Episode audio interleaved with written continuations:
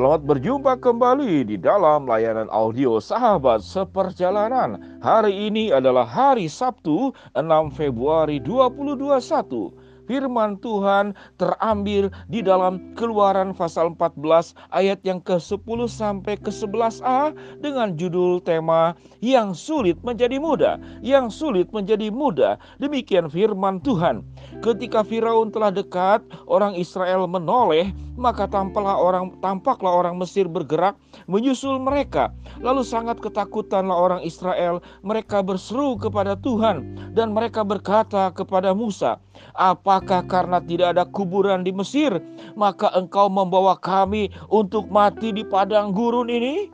Mari kita berdoa. Bapa yang di dalam sorga, biarkan kami untuk terus belajar bahwa di dalam setiap kesulitan-kesulitan hidup ada kemudahan-kemudahan yang Tuhan sediakan. Sehingga sesulit apa pun yang kami hadapi, semuanya itu dimudahkan karena kami tidak berjalan sendiri. Ada Allah yang menyertai kehidupan kami. Di dalam nama Tuhan Yesus kami berdoa. Amin.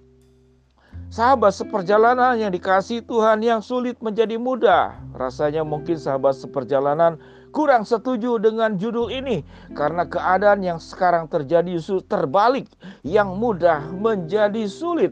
Bagaimana yang sulit itu menjadi mudah? Kesulitan-kesulitan hidup itu terjadi dari semenjak zaman terdahulu setelah manusia jatuh di dalam dosa.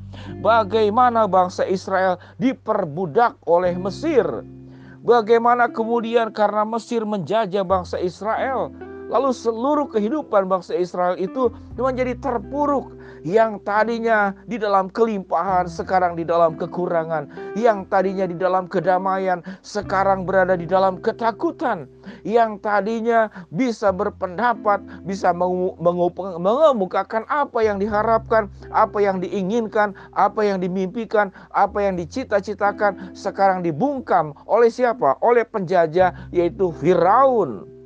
Yaitu Firaun di Mesir. Sahabat seperjalanan yang dikasih Tuhan. Bagaimana mungkin yang sulit itu menjadi mudah? Bangsa Israel menghadapi kesulitan. Kesulitannya adalah tatkala di Mesir itu kemudian mengalami yang dikatakan itu penjajahan. Kita tahu dengan jelas apa yang disebut dengan penjajahan. Seluruh hak-hak dasar kehidupan kita itu diambil oleh penjajah. Seluruh haknya yang saya disebutkan tadi, hak bicara, hak hidup layak, hak berpendapat, hak segala hal itu diambil. Itu yang disebut dengan kesulitan. Kita saat ini juga mungkin seperti berada di tanah Mesir.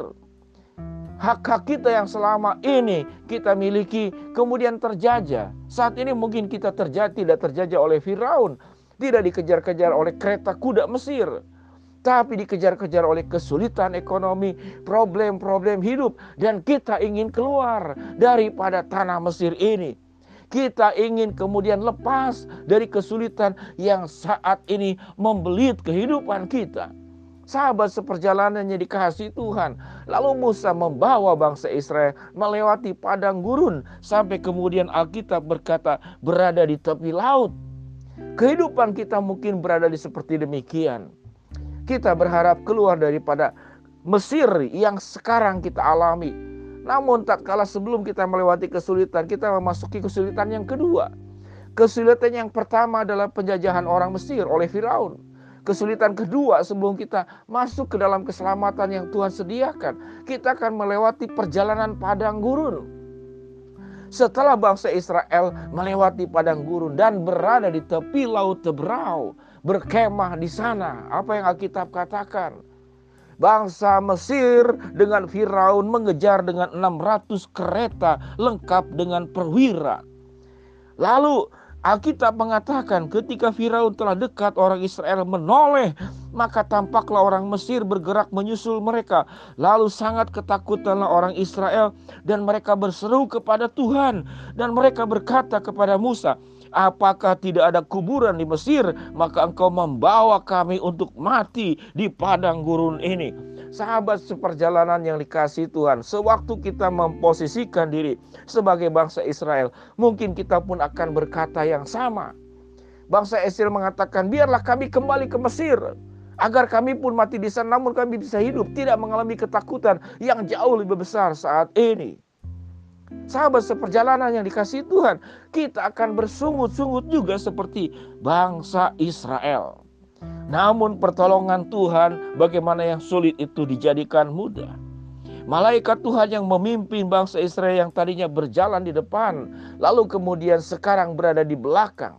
Lalu tiang awan yang memimpin bangsa Israel di depan dengan Musa itu kemudian memimpin di belakang. Dan Alkitab mengatakan terjadi kegelapan buat bangsa Mesir karena awan tiang awan itu. Sehingga mereka tidak bisa melihat apa yang ada di depannya.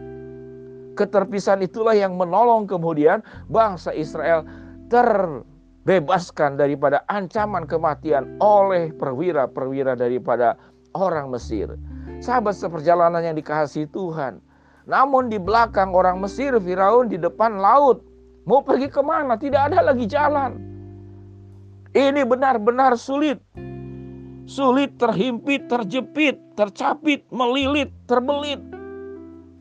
Segala hal yang sulit itu terjadi. Namun Tuhan berkata kepada Musa, angkat tanganmu. Dan Tuhan membelah laut teberau itu dan kering Bangsa Israel berjalan di tanah yang kering itu dan Tuhan memimpin sampai ke seberang dengan selamat. Lalu bagaimana? Orang-orang Mesir dengan kereta-kereta kudanya mengejar. Tak kala mengejar kemudian kereta mereka oleng di perjalanan mereka menjadi terhambat. Lalu kita bertemu juga dengan ketakutan. Yang tadinya awalnya orang Israel ketakutan melihat orang Mesir dan Firaun, sekarang orang Mesir yang ketakutan apa yang dikatakan oleh orang Mesir? Marilah kita lari meninggalkan orang Israel, sebab Tuhanlah yang berperang untuk mereka melawan Mesir. Sahabat seperjalanan yang dikasih Tuhan, apa kesalahan dari ketakutan dua belah pihak ini? Pihak yang pertama adalah orang Israel ketakutan melihat orang Mesir. Lalu kemudian apa yang dilakukannya? Dia bersungut-sungut kepada Musa dan ingin kembali ke Mesir. Lalu apa ketakutan daripada orang Mesir? Ketakutan orang Mesir karena bagaimana? Karena Allah orang Israel itu membela Israel, lalu mereka ingin lari. Apa yang salah dalam ketakutannya? Dia takut kepada Allah betul, namun ketakutan bangsa Mesir itu tidak berubah dalam pertobatan. Jadi sesungguhnya dua-duanya tidak bertobat bangsa Israel tidak bertobat sudah dipimpin oleh Tuhan bagaimana Mesir mengalami sepuluh tulah dari lalat pikat, dari nyamuk, dari anak sulung yang meninggal, dari hujan es, dari barah penyakit yang terjadi kepada begitu banyak binatang. Namun bangsa Israel tidak pernah bertobat kalau Allah itu menolong mereka. Dan orang Mesir juga tidak bertobat. Mereka cuma takut kepada Allah lalu lari, tidak kemudian datang Bertobat seluruhnya yang kalau seandainya orang Mesir dan Firaun itu kalau ada bersama-sama. Mengalami pertobatan ya Tuhan, aku bertobat. Lalu tidak berlari, bersujud saja bukan berlari, bersujud berlutut. Lalu menyebut nama Allah Israel. Saya percaya di dalam kemurahan Allah, orang Mesir itu juga akan diselamatkan Tuhan kalau mengalami pertobatan. Bagaimana agar yang sulit ini bisa menjadi mudah? Kata kuncinya adalah alamilah pertobatan. Bukan pertolongan Allah yang tidak cukup untuk menolong kita.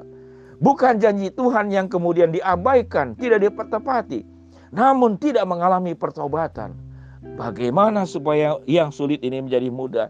Bertobatlah kepada Allah. Kalau Allah menolong, Allah menjaga, Allah membantu, itu sudah pasti. Jangan seperti orang Israel yang ketakutan lihat orang Mesir. Jangan juga seperti orang Mesir yang hanya takut kepada Allah namun tidak melakukan pertobatan. Mari kita berdoa. Bapa yang di dalam surga hambamu berdoa buat sahabat seperjalanan yang sedang sakit di rumah sakit maupun di rumah. Tuhan jamah, Tuhan sembuhkan. Buat sahabat seperjalanan yang sedang menghadapi kesulitan, tantangan, rintangan, dan masalah dalam kehidupan. Tuhan bukakan jalan. Buat sahabat seperjalanan yang sedang memohon, berharap sesuatu. Tuhan akan kabulkan sesuai dengan waktu, rencana, dan kehendakmu. Di dalam nama Tuhan Yesus kami berdoa. Amin. Shalom sahabat seperjalanan. Bagaimana yang sulit itu menjadi mudah? Lakukanlah pertobatan. Jangan melihat masalah, jangan lihat situasi. Bersujud di hadapan Allah, mengaku dosamu. Dan Tuhan akan menolongmu seperti Tuhan menolong bangsa Israel. Shalom, Tuhan memberkati kita semua. Amin.